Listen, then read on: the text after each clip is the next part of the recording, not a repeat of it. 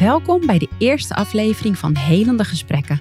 De podcast waarin ik, Stefanie Kaars, schrijver en spreker, elke week in gesprek ga met iemand die een bijzonder verhaal te vertellen heeft, dat hoop, licht en inspiratie brengt.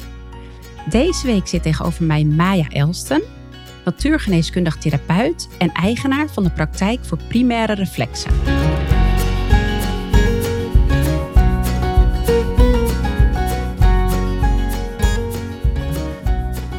Welkom Maya, fijn dat je er bent. Dankjewel. Uh, Maya, ik heb jou een klein beetje leren kennen toen ik een aantal jaar geleden met mijn dochter Sterre naar jouw praktijk kwam. Daarover heb ik ook verteld in de podcastserie Mijn Helende Verhaal. Voor de luisteraar, als je meer wilt weten over mijn achtergrond, dan kun je die serie terugluisteren.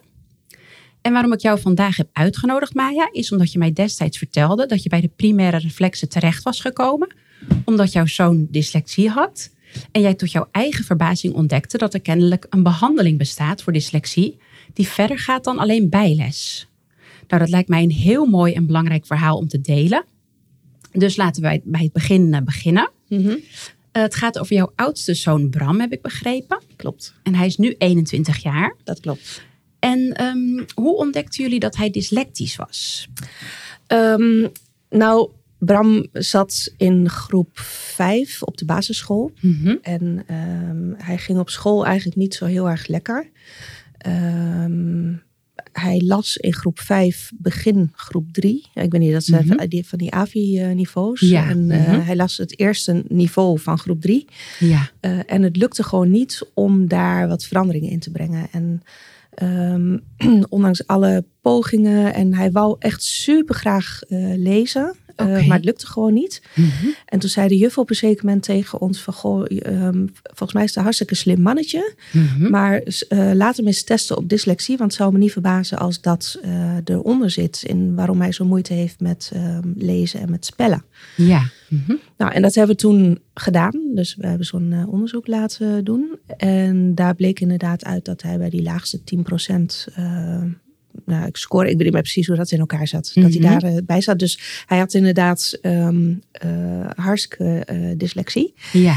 Mhm. En ehm, nou ja, toen kwam eigenlijk ehm, de vraag van school: eh, oké, maar als hij dyslexie heeft, dan moet je dus eigenlijk heel veel gaan oefenen thuis en kilometers maken, kilometers meters maken met lezen. Mhm. Ehm, nou ja, en toen zei ik tegen mijn man van ja, weet je, alles wat we gaan doen, maar dat niet. Mhm. Want dit, man, dit kind wil zo graag en hij heeft zoveel faalangst en hij wil, hij, hij vindt zichzelf zo niet ja, oké of zo afwijken zeg maar, van andere kinderen. Mhm. eh, dat ik niet hem wil frustreren met iets wat hij eigenlijk niet kan. Mhm. Eh, weet je, dat knopje zit gewoon niet op. Dus ehm, Nee. eh, ik ga hem niet frustreren met iets wat hij, wat hij niet kan en wat hij zo graag wil. Dus hij doet al zijn uiterste best en daar zit Ja. volgens mij niet de oplossing. Ja. Oké. Maar ja, Dus Dus jij, jij voelde dus eigenlijk dat inderdaad het niet goed zou zijn om alleen maar te oefenen. Dat, dat, ja, dat de sleutel tot verbetering daar niet lag. nou ja, voor sommige kinderen werkt dat misschien wel. Ja. Maar ik had Mhm. heel erg het gevoel dat er voor hem daar niet de oplossing eh, lag. Mhm. En ehm, nou ja, toen zijn we dus iets anders eh, gaan zoeken. Maar ja, wat? Hè? Ja. Dus daar zit je dan gelijk. Eh, Ja. Maar wat dan wel? Ja. Mhm. En ehm, nou ja, volgens mij zit het leven dan ook een beetje zo in elkaar dat als je de vraag stelt, maar wat dan? Ja. dan komt ergens ook de oplossing of er komt eh, het antwoord. En toen kwam ik iemand tegen die zei, joh, maar ik ga echt een hele leuke opleiding doen. Misschien is dat ook wel iets voor jou. Oké. En ehm, nou ja, zo ben ik uiteindelijk die opleiding gaan doen. Want ik ben wat dingen gaan opzoeken. Ja. Mhm. En het, een van de eerste dingen die ik zag, hè, primaire reflexen in relatie tot dyslexie. En toen dacht ik, oh, ik ben op zoek. En eh, hier komt iets wat anders is dan anders. Dus Ja. eh, laten we eens gaan kijken. En dat vond je op internet? Of eigenlijk doordat die kennis jou wees op die opleiding? Die kennis wees mij op die opleiding. Ja. Ja. En toen dacht je, ik ga dat lezen. En toen zag je eigenlijk meteen staan dat dat misschien zou kunnen helpen voor mensen met dyslexie. Ja, precies. Oké. Ja, Ja. ja.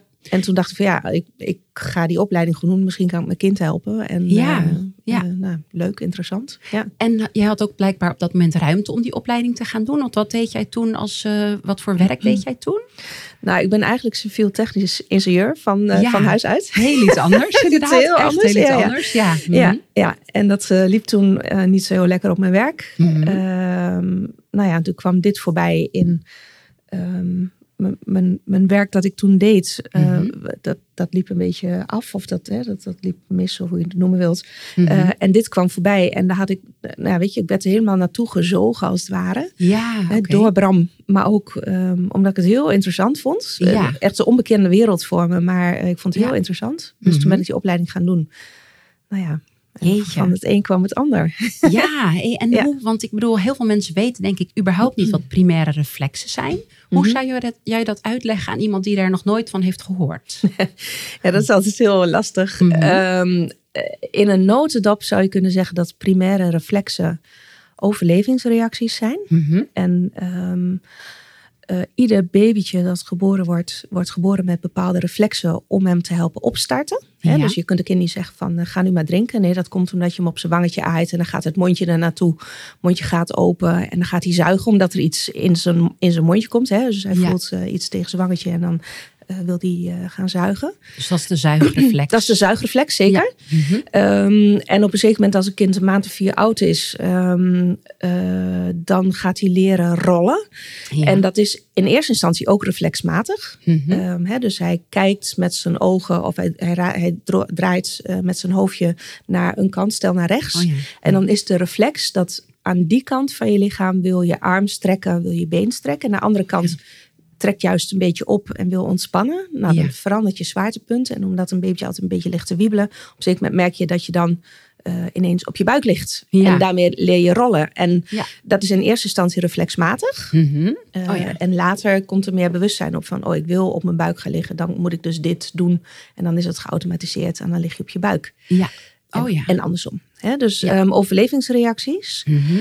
Ehm, maar als ehm, een baby opgroeit en zo'n eh, reactie, zo'n zo'n overlevingsreactie blijft Mhm. in het systeem aanwezig, omdat het ergens niet goed is geïntegreerd in het lijf of ehm, eh, ja, komt niet volledig tot ontwikkeling, die, die reflex, Mhm. dan blijft hij dus tot in lengte van jaren, tot, totdat je doodgaat, bij wijze van spreken, Ja. blijft zo'n reflex in je systeem actief. Ja. Mhm. En betekent dus dat elke keer als je met je oog of je hoofd naar een kant kijkt, dat Ja. je lichaam dus eigenlijk wil meebewegen in die oogbeweging. Ja.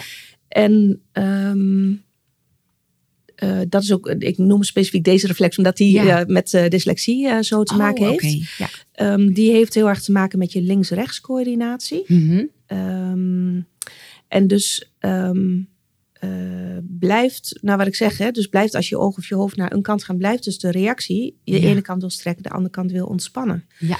Daar komen we straks misschien nog wel even wat verder op. En dan Ja. zal ik nog wat meer toelichten. Maar primaire reflexen zijn overlevingsreacties. Ja, en normaal gesproken, als de ontwikkeling helemaal eh, volgens het boekje eigenlijk verloopt, dan Mhm. ehm, integreren die reflexen. Volgens Klopt. mij noem jij dat ook inhiberen, dacht ik. hè? Ja, is tot rust brengen. Of Ja. eh, t- tot, ja, ja, tot rust brengen eigenlijk. En dan heb Ja. je daar gewoon helemaal geen last meer van in je, in je lichaam niet, maar ook niet in je geest en in je hele leven, zeg maar niet. Klopt. Maar inderdaad, te kunnen ook, ehm, als dat gebeurt, is dat natuurlijk eh, fijn, want dat is eigenlijk eh, wat de bedoeling is. Mhm. Alleen, ik heb ook begrepen dat ook op een latere leeftijd, stel dat je bijvoorbeeld een ongeluk krijgt of er gebeurt iets heel traumatisch, dan kunnen die reflexen ook weer actief worden. Terwijl ze bijvoorbeeld eerder wel, eh, ja, Onder controle waren, ja, ja, klopt. ja, Ja. dat kan ook gebeuren. Ja, ja. zeker. Ja, want het zijn overlevingsreacties. Dus op het moment dat er trauma is, hè, dus dat er iets Mhm. heftigs gebeurt in je leven, dan heb je dus die reflexreacties juist nodig om door die situatie heen te komen. Oh ja. Alleen bij heel veel mensen wordt dat knopje dan wel ingedrukt van overleven, maar gaat niet meer vanzelf uit. En dan heb je dus de rest van je leven te maken met overlevingsreacties. En dus stress, ja, ja. eh, die voor je hele systeem. voor je hele systeem. eigenlijk. Wat eigenlijk niet meer nodig zou hoeven zijn als dat knopje gewoon weer uit was gegaan. Ja, ja, oké. Mhm. Nou, dus dit leerde jij, eigenlijk was dit voor jou dus ook nieuw. Dit leerde Ja. jij bij die opleiding. Noem je dat eh, opleiding tot primite- eh, primitieve reflextherapeut? Of, of kan je het niet zo noemen? Ja, dan mag je zelf noemen. Weet je, het is geen Ja. beschermd beroep, dus je mag Nee. zelf gewoon kiezen hoe dat heet. En primaire reflextherapie heb ik het genoemd. Ja. Een t- Mhm. primaire reflextherapeut. Ja. Of natuurgeneeskundige therapeut, hoe je het maar noemen wilt. Oh ja, ja, inderdaad. Ehm, maar die opleiding duurde volgens mij twee jaar ongeveer, of niet? Of, Eh, een jaar destijds. een jaar. Ja. En jij ehm, had zoiets van, ja, maar jouw zoon Bram wilde je eigenlijk liever eerder helpen. klopt. En toen heb je hem volgens mij door je docent laten behandelen, toch? Dat klopt. Ja. Ja. Ja, ja want ik, had, um, ik was inmiddels zelf met die opleiding begonnen. En um, er waren zulke bijzondere resultaten na twee, drie maanden les eigenlijk al. Okay. Dat ik dacht van ja, weet je, ik ga niet wachten voor Bram om tot ik eindelijk zelf klaar ben en dat ik het zelf kan. Ja. Dus we hebben hem toen laten behandelen, inderdaad. En wat voor bijzondere dingen waren dat die je al na een paar maanden merkte? Um... Nou, bijvoorbeeld, uh, ik had een vriendin die uh, onder de pijnstillers uh, zat mm vanwege haar rugklachten. Oh ja, oké. En um, nou, die zat elke twee weken bij de fysiotherapie. En oh, ja. weet je wel, enorm aan de pijnstillers en noem maar op. En die lag toen bij mij op de tafel. En die was vervolgens drie maanden van haar rugpijn af. Jeetje, geweldig. En toen dacht ik van, oh chips, weet je, als dit na twee maanden les, drie maanden les al mogelijk is, dan zit er nog veel meer in het vat. Dus dat voedde mij alleen maar met enthousiasme. Ja, dat snap ik, uh, ja. Om nog meer te leren en... Uh, wat mooi. Te absorberen, zeg maar. Ja, want je gebruikte die vriendin eigenlijk om te, of gebruikte, maar in ieder geval om te oefenen als ja, ja, ja, zeker. Ging je alles op oefenen. En toen ontdekte je dus al bij het begin van de opleiding hoeveel effect dat had. Zeker, um, ja. Ja, ja, ja. ik was uh, gegrepen. Ja, dat begrijp ik. Ja, jeetje. Ja, en um, nou, dus toen ging uiteindelijk jouw, doc jouw docent ging jouw zoon uh, Bram behandelen. En um, was er toen ook al snel een verandering bij Bram? Hoe verliep dat? Um, nou, um, uh, Bram die zat dus in groep 5. Hè, dus hij ja. had uh, 2,5, 3 jaar leer, uh, leesachterstand, zo moet ik het eigenlijk zeggen. Ja. Mm -hmm. um, en hij is toen, uh, ik denk een keer of zeven of zo, of acht misschien, voor behandelingen geweest. Mm -hmm. en toen waren we echt, vielen we zo wat van onze stoel, dat hij op school ineens als een speer ging. En wow, okay. in, ik denk, iets meer dan drie maanden tijd, vier maanden tijd uh, had hij die uh, drie jaar leerachterstand, leesachterstand, ik zeg niet keer leer, maar leesachterstand mm -hmm. ingehaald. Geweldig. Dus toen was hij weer op ja. niveau. Ja. Jeetje, Mina.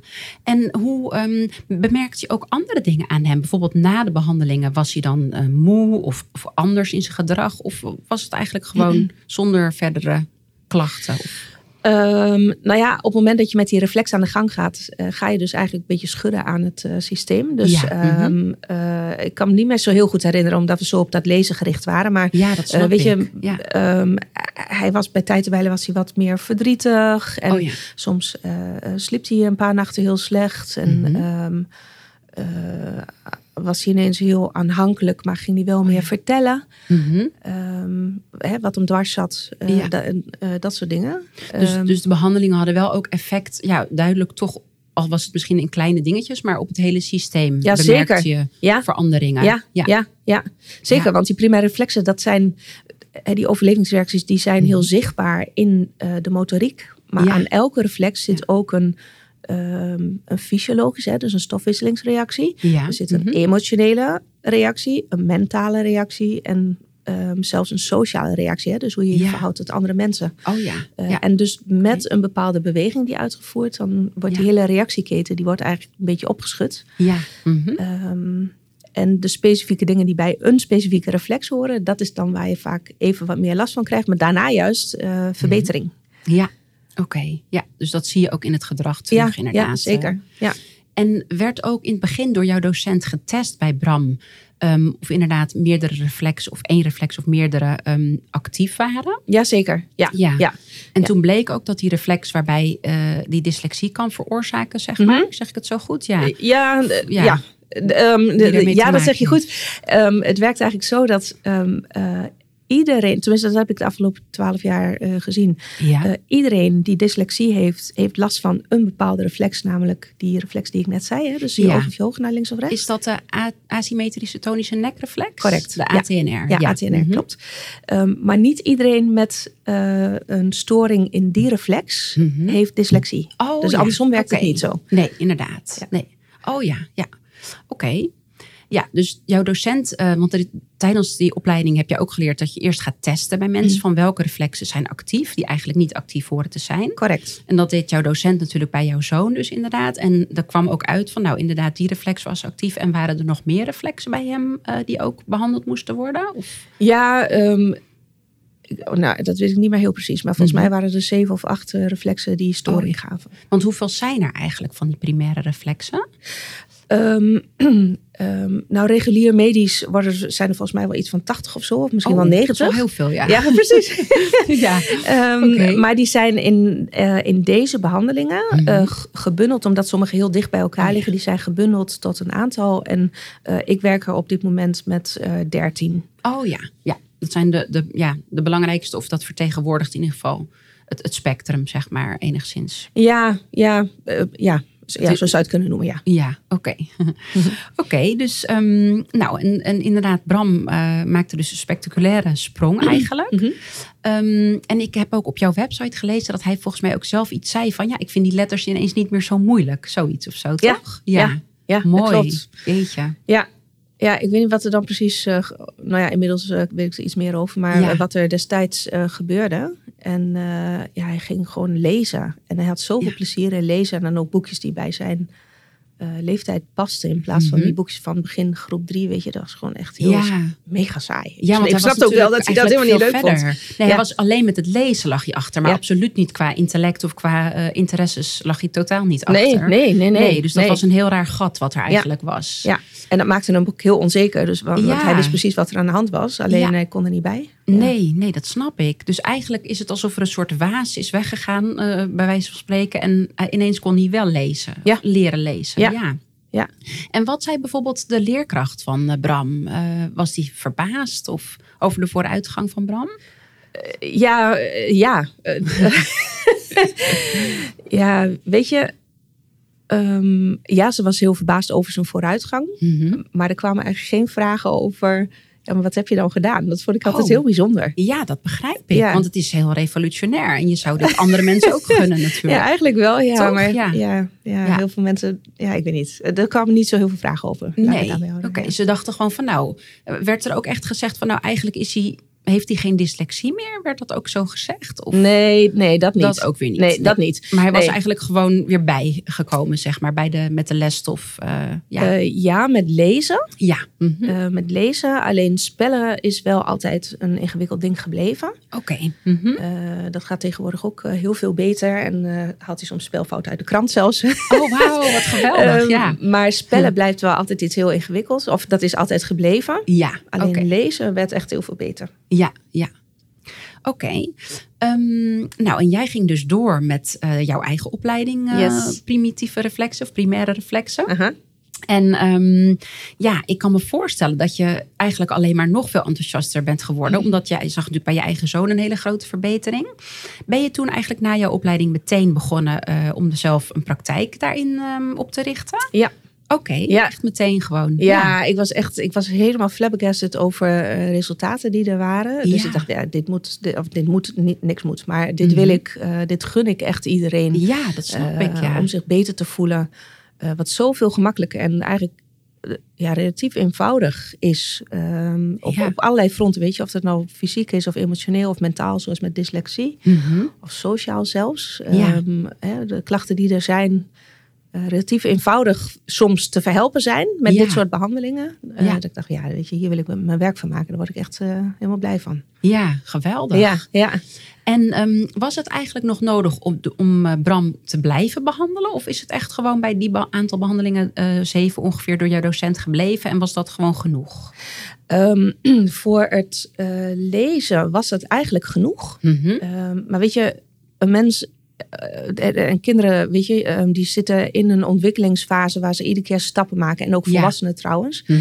En ehm, eh, in een nieuwe ontwikkelingsfase komen ook weer nieuwe dingen, weet je. Hij Ja. was toen een jaar of acht, geloof ik. Mhm. Maar ja, als je in je puberteit komt, weet je, gaan je hormonen opspelen. Dus eh, dan Mhm. vroeg hij af en toe van, eh, mam, ik moet wel even bij jou op de tafel. Maar dat was dan meestal niet voor het lezen, maar wel Nee. meer omdat hij zich niet zo happy voelde. Of Ja. ehm, eh, dat er andere dingen waren, weet je wel. Dus, Ja, dus eigenlijk om het systeem weer eventjes eh, te helpen, zeg maar, om weer verder te gaan in de ontwikkeling. Ja, Ja, een Ja. soort onderhoudsbeurt. ja. Ja, zo zou je het kunnen noemen. Ja, Ja. ik, ik leg het wel eens uit. Weet je, je, eh, vroeger had je zo'n radio die je dan met zo'n knopje moest bijstellen. Hè. Dat eh, eh, metertje. Dus, eh, en als je dan een tijdje naar de radio had geluisterd, dan liep hij een beetje, hè, dan kwam de ruis eh er doorheen. En dan moest je weer een heel klein beetje bijstellen. Ja. Nou, eh, d- dat principe, hè, dus in principe staat hij goed. En dan heel af en toe dan, ja, met je ontwikkeling of eh, eh, loop je af en toe heel een klein beetje ruis weer op en dan stel je Mhm. weer bij. Dus Ja. dat. ja, heel mooi. Ja. Ja. En ehm, nou, jij begon die praktijk en kreeg je eigenlijk meteen vanzelf cliënten of moest je daar veel moeite voor doen? Um, nou, ik had geluk destijds um, dat ik uh, wat contacten had met uh, een osteopaat en een mesoloog oh, ja. uh, in de woonplaats in Culemborg waar ik mm -hmm. woon. Ja.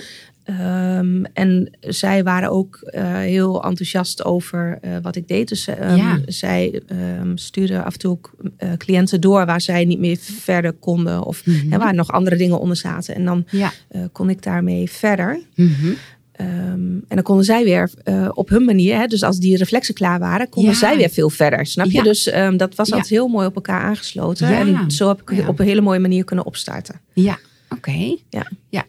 En je hebt de civiele techniek helemaal vaarwel gezegd uh, toen. nou, af en, toe, af en toe doe, heb ik nog een kleine opdracht. Maar in principe heb ik het vaarwel gezegd. Oké, okay, ja. Ja, ja. ja, En, en, nu heb je alweer twaalf jaar je praktijk? Uh, sinds 2012, dus bijna, bijna twaalf jaar. Ja, oké. Okay, ja. ja. En um, eigenlijk voor dit gesprek vertelde je mij al eventjes van... nou, je zit eigenlijk altijd voor drie weken vol. En dan soms denk je van, oh, gaat het daarna nog wel verder? Maar dan zit je eigenlijk vanzelf gewoon weer ja, het is, helemaal vol. Ja, ja, dat is echt iets heel grappigs. Uh, dus inderdaad, uh, drie weken um, nagenoeg vol. En dan ja. kijk je mijn agenda en denk je vierde weken en, en verder. En denk van, oh, ik heb niks meer te doen straks. Mm -hmm. uh, maar dat gaat al twaalf jaar zo. En inmiddels durf ik ja. daar een klein beetje op te vertrouwen. Zo lang duurt dat. Ja. dat dit dus kennelijk mijn ritme is of zo. Ja, ja inderdaad. Ja, wat mooi. Ja, nou, zo werkt het voor mij. En wat voor cliënten krijg je nu zo al? Want um, je hebt ook inmiddels ontdekt dat het inderdaad zeker niet alleen bij dyslexie nee, um, ja. een goede methode is. Maar vertel, wat, wat zijn er nog meer dingen die je voorbij ziet komen in je praktijk? Nou, je kunt eigenlijk zo raar niet, nou, niet zo, uh, je kunt bijna zo raar niet bedenken of um, ja. uh, mensen komen wel. En um, uh, de een heeft vooral last van lichamelijke klachten die maar niet overgaan, hè, chronisch. Oh ja. mm -hmm. um, hè, rugpijn, buikpijn, migraine, oh ja. hoofdpijn, dat soort dingen. Oh andere mensen zitten emotioneel in de knoop. Hè, die hebben last van angsten of woedeaanvallen mm -hmm. of uh, depressie of faalangst of uh, weet je wel, laag gevoel van eigenwaarde, dat soort uh, dingen. Mm -hmm. um, en andere keren gaat het over mentale stukken met bepaalde overtuigingen waar ze maar niet over zichzelf heen kunnen stappen. Mm -hmm. um, um, maar ook nou, dyslexie-achtige ja. dingen, concentratieproblemen. Mm -hmm. Sociaal gaat het vaak over, um, ik wil zo graag een relatie, uh, maar dat lukt me maar niet. Uh, ik kan okay. me slecht verbinden met andere mensen. Ik voel oh, me ja. altijd anders en um, oh, ja. uh, ik voel altijd dat ik er niet bij hoor. Ik kan zo moeilijk grenzen stellen. -hmm. um, snap je? Dus, of mensen zijn heel moe of slaapproblemen. Dus het is echt heel divers. Ja, dat is heel uiteenlopend. Ja. Ja. En kun jij die mensen eigenlijk altijd helpen? Of zijn er ook situaties waarbij het niet uh, tot verbetering leidt? Nou, als ik, als ik iedereen kon helpen, dan, um, um, ja, dat weet ik niet. Maar um, nee, ik kan niet iedereen helpen. Mhm. Maar tegelijkertijd ben ik altijd verbaasd over hoeveel effect mensen uh, hebben. Mhm. Mm-hmm. En soms ook op onverwachte vlakken. Met deze behandelingen. Ja, ja. En um, weet je, ik kan het niet sturen. Dus um, hè, een pilletje van de dokter is uh, helemaal onderzocht. En dan weten ze ook precies wat voor bijwerkingen je kunt verwachten. En wat Mhm. de effecten daarvan kunnen zijn. Ja. En dat werkt ook niet altijd voor iedereen. Maar dat, daar is wel meer over bekend. Dit neem je en dat is het effect dat je kunt verwachten. Hè? Ja. Ja. Um, en dat is bij deze behandelingen niet. Dus Mhm. Ik volg wat je lichaam aangeeft nodig te hebben. Mhm. En ik test de reflexen. Hè? En dat, dat is dan Ja. wat ik ga doen. Ja. Um, maar je lichaam neemt op wat het aan kan en wat het wil. En um, Mhm. de oplossing die je zelf graag uh, wilt, is niet altijd wat je, wat je lijf Mhm. uh, vraagt of, of uh, waar, je, waar je lijf aan toe is, wat het nu kan accepteren. Klinkt een beetje vaag misschien, maar Ja, nee, ik snap wel Ehm, wat je bedoelt. Ja. ja. Niet, zo- Dus soms een- komt er eigenlijk een hele andere uitkomst. Want iemand zegt bijvoorbeeld van nou, ik zou heel graag uh, niet meer zo angstig zijn. Maar misschien dat dat dan, uh, dat er iets heel anders uit de behandeling komt eigenlijk. Soms ook. Ja, nou met, met angst is dat vaak nog wel dat het op dat front ook echt wel beter wordt. Ja, oké. Ehm, maar soms zeggen mensen bijvoorbeeld, ehm, ik zou zo graag een relatie willen, of weet ik Mhm. het. Mhm. Ehm, en dan ehm, waar het uiteindelijk op neerkomt, is dat hun gevoel van eigenwaarde Oh, eh, ja. groter wordt. Weet je, Ja. want Ja. eh, geen relatie kunnen aangaan of niet kunnen houden, Ja, heeft heel vaak te maken met ehm, bindingsangst die je zelf misschien niet zo voelt, ja. eh, maar die er wel zit omdat je jezelf niet oké vindt. Mhm. Dus als die reflexen maken, hè, die, die reflexbehandelingen, die maken vaak dat je jezelf weer meer oké vindt en dus je gevoel van eigenwaarde omhoog gaat. Ja, En als je gevoel van eigenwaarde weer oké is, dan Mhm. is het ook gemakkelijker om vervolgens ja. wel of niet een relatie aan te gaan. Maar dan hoef je niet meer vast te grijpen aan relaties die eigenlijk niet gezond voor je zijn. Nee, inderdaad. Snap je? En Nee. dan ben je ook oké als het niet zo is. En dan ben je blij als je iemand hebt. Maar dan is het ook oké als, het niet zo is. Ja, ja. En ja. dat, dat Snap verschil is heel subtiel. ja, ja. Ehm, maar dat is wel... essentieel. Ja. Ja, Ja, en jij verkoopt geen eh, partners natuurlijk, maar het is gewoon dat jij de, het helaas. systeem van de mens eh, Ja, in, balans, terug in balans brengt eigenlijk en optimaliseert. Waardoor er in het leven dingen kunnen veranderen natuurlijk. Zeker. Doordat degene zelf in een andere staat van zijn eigenlijk eh, komt, de cliënt. Ja, Ja. Mooi. Precies, ja. ja. Ja, en weet je, en die overlevingsreacties die, die veroorzaken per definitie heel veel stress in je, in je systeem. Hè? Want het Ja. gaat over overleven. Mhm. En overleven is altijd angstgestuurd. Want Ja. ik ben bang dat ik doodga. ja. Uiteindelijk is dat onder de streep bijna Mhm. altijd wat eronder zit. Oh ja. En als je, als je dus uit zo'n overlevingsreactie kunt komen, of meer daaruit kunt komen, dan is het Mhm. dus veel meer ehm, oké zijn met wat zich aandient. Ja, ja, ja. En dat werkt op alle fronten, werkt dat door. Of het nou lichamelijk is, of emotioneel, of mentaal, dat maakt eigenlijk niet zoveel uit. ja. Oh Maakt, ja. maakt ook dat mensen beter kunnen slapen. Ja. Ehm, als je niet voortdurend aan het overleven bent, hoef je ook minder moe te zijn. Hè? Want Ja. je lichaam hoeft niet voortdurend op scherp te staan. Mhm. Dus dat is ergens heel subtiel, Mhm. die Maar veranderingen. maar en tegelijk Ja. heel groot. Ja, absoluut. En voor Ja. sommige mensen is het ook, eh, weet je, die, die merken ook daar waar ze voor komen. Ja, Of voor sommigen, voor heel veel mensen, ehm, daar waar ze voor komen, dat het echt heel veel beter wordt. ja, ja. Eh, maar ik kan het dus niet sturen. Dat Nee. is altijd een beetje eh, ja, afwachten hoe je lijf gaat bewegen. Ja, ja, begrijp ik. Ja. ja, heel bijzonder. En kan je nog ehm, proberen uit te leggen, want mensen hebben denk ik ook niet echt een beeld bij hoe zo'n behandeling gaat. Maar jij gebruikt ook technieken uit de kinesiologie volgens mij? Ja, dat klopt. Ehm, eh, ehm, de overeenkomst is eigenlijk dat ik gebruik maak van een spiertest. Ja. En een mhm. spiertest is niks meer dan een reactie van je lichaam die stress laat zien of Mhm. geen stress. Dat is de overeenkomst met de kinesiologie. Ja.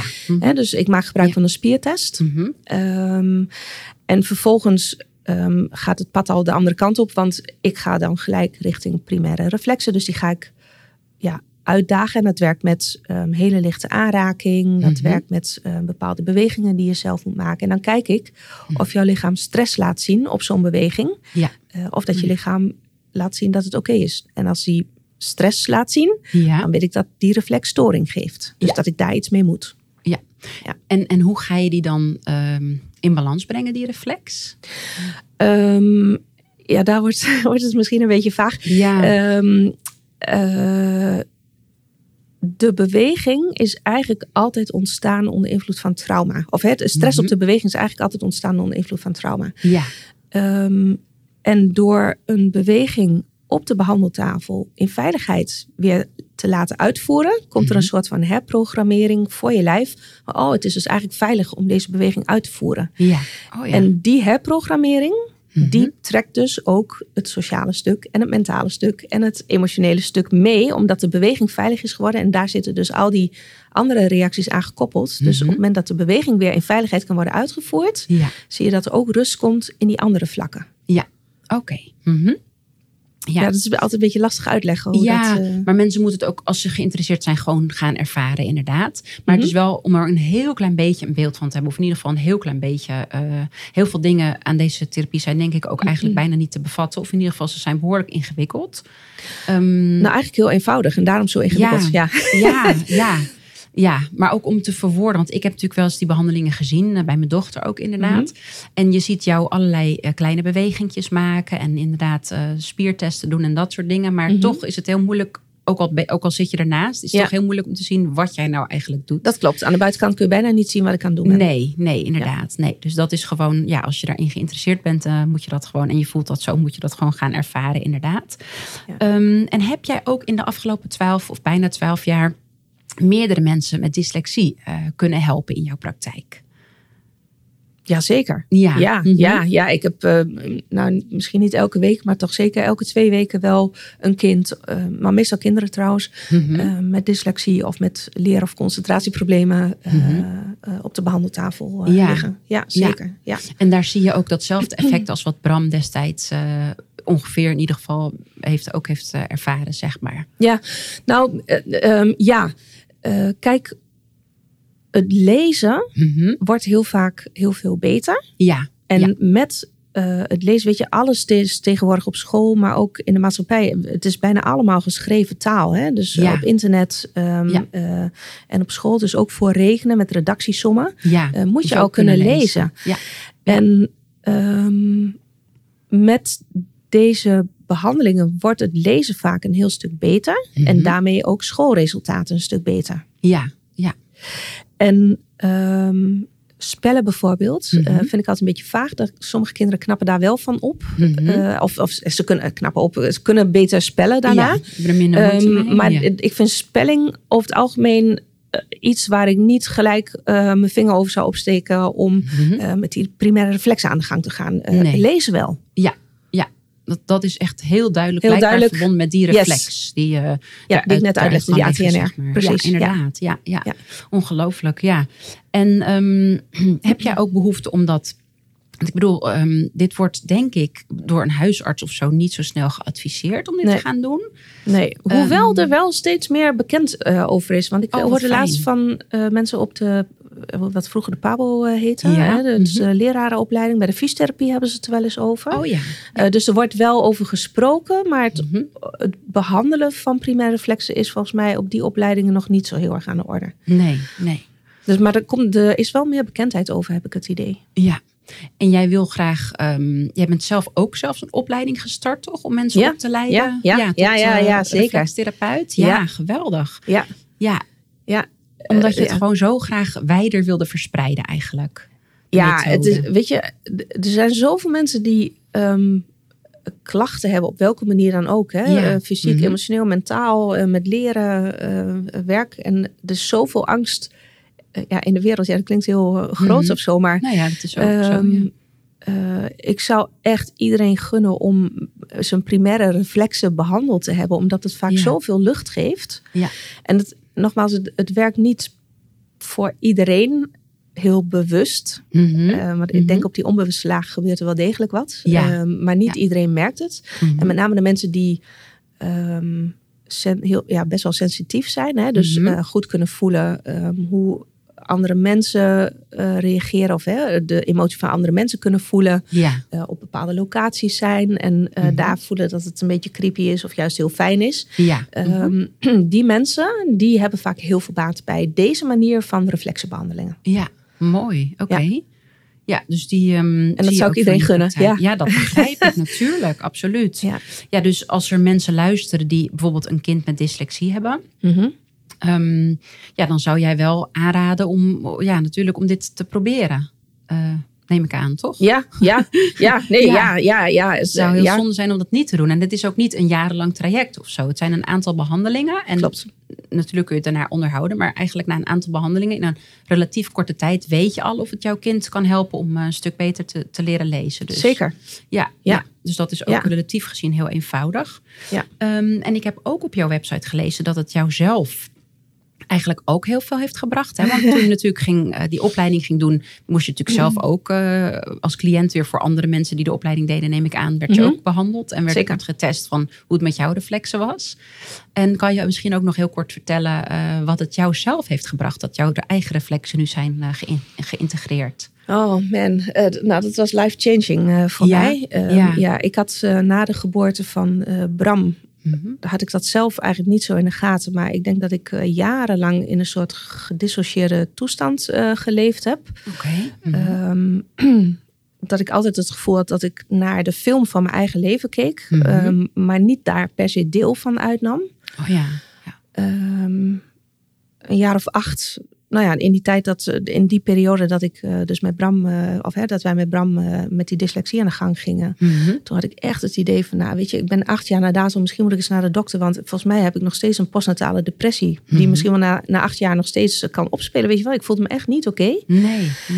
En ehm, ehm, toen ben ik op een zeker moment zelf ook eh, naast mijn opleiding ook de behandelingen gaan doen. Ook weer bij diezelfde, ehm, bij mijn uh, docent. docent, ja. Mhm. En er was een keer of vijf, zes, zeven misschien wel, dat ik eigenlijk geen verandering voelde. Mhm.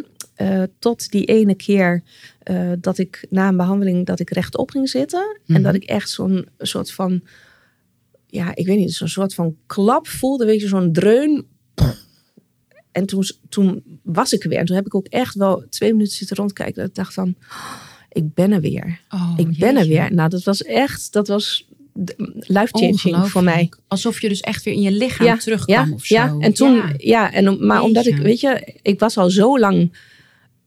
Ja, dat klinkt voor mensen die dat nooit hebben ervaren heel raar misschien, maar ik was zo lang al niet in mijn lichaam, Nee, je zonder dat in de gaten te hebben, Ja. want dat weet je, dat, Ja. dat weet je, ja, dit is voor, voor mij was dat gewoon. Ja, Ehm, ja. Totdat ik zag hoe het ook anders kon en voelde Mhm. hoe het ook anders kon. Toen dacht ik zo, oh my god, weet je, dit is gewoon al die jaren aan de hand geweest. Ja, dus eigenlijk deed je alles daarvoor op de automatische piloot.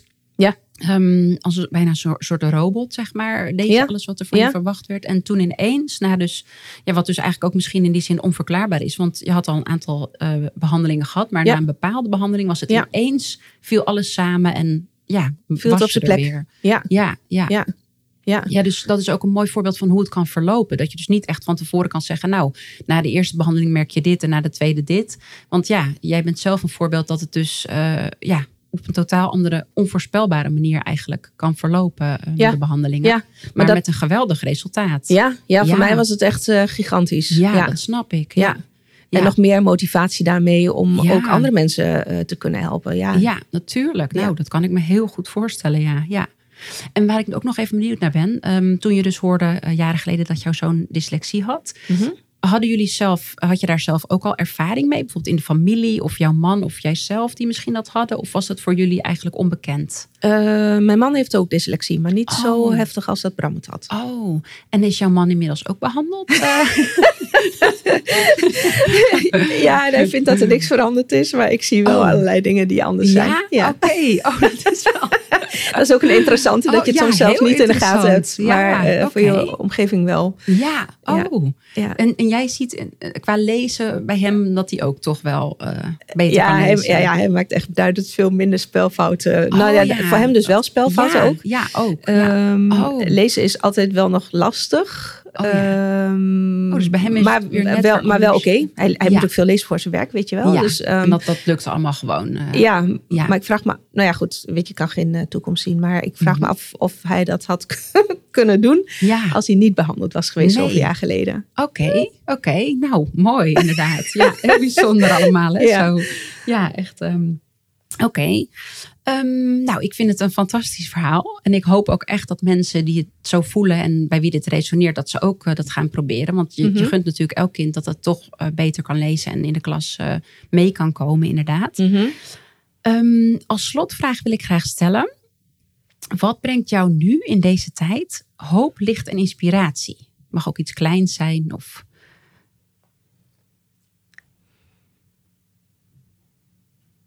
Oh, wat een goede vraag. Mhm. Wat brengt me hoop, licht en inspiratie? Ja, dat, dat er ondanks, het is eigenlijk heel groot, maar ondanks alles wat er aan de hand is in de wereld, mensen eh, op klein niveau, op interpersoonlijk niveau, nog steeds eh, heel erg betrokken zijn bij elkaar. Ondanks wat de, wat de media vertellen en ondanks Mhm. wat er allemaal is. Weet je, eh, je naaste in nood wordt nog steeds voor geholpen. En daar ehm, of er wordt nog steeds geholpen door een hele hoop mensen. En Ja. dat is wel wat ik echt, ehm, ja, weet je, het Mooi. begint klein om vervolgens Ja, weer te kunnen uitrollen. ja Volgens inderdaad. mij is dat het meest belangrijke wat er is. Elkaar accepteren, respecteren, aanvaarden zoals we zijn. En Ja. niet in de laatste plaats jezelf. Mhm. Je bent oké zoals je bent. Ja, Eh, ja, mooi. dat. Nou, en ik denk dat jouw praktijk ook een heel mooi voorbeeld is om te beginnen. Want jij eh, behandelt letterlijk inderdaad één op één. En zo verspreid je toch eh, ja, die hele mooie methode. En eh, ook meer balans voor heel veel mensen. Ja, nou ja, dat hoop ik Heel mooi. daar wat meer vrede mee te kunnen brengen. Ja, natuurlijk. Nou, Ja. dat begrijp ik. Ja. Nou, ik wil je heel erg bedanken voor dit gesprek. En ik wil je graag mijn helende kaarten geven, Oh, alsjeblieft. lief, dankjewel. Uh, voor de luisteraar, mijn kaarten zijn te koop via mijn website stefaniekaars.nl, waar je ook mijn social media kanalen kunt vinden. En waar ik ook een link heb geplaatst naar Maya's website. Um, dit was de eerste aflevering van Helende Gesprekken. Volgende week donderdag ben ik er weer met een nieuwe aflevering. Die staat dan vanaf 7 uur ochtends online. Dankjewel voor het luisteren of kijken, want via Spotify en YouTube kun je ook kijken. Volg deze podcast als je niets wilt missen en laat alsjeblieft een review achter, zodat andere mensen de podcast beter kunnen vinden. Een helende groet en tot volgende week.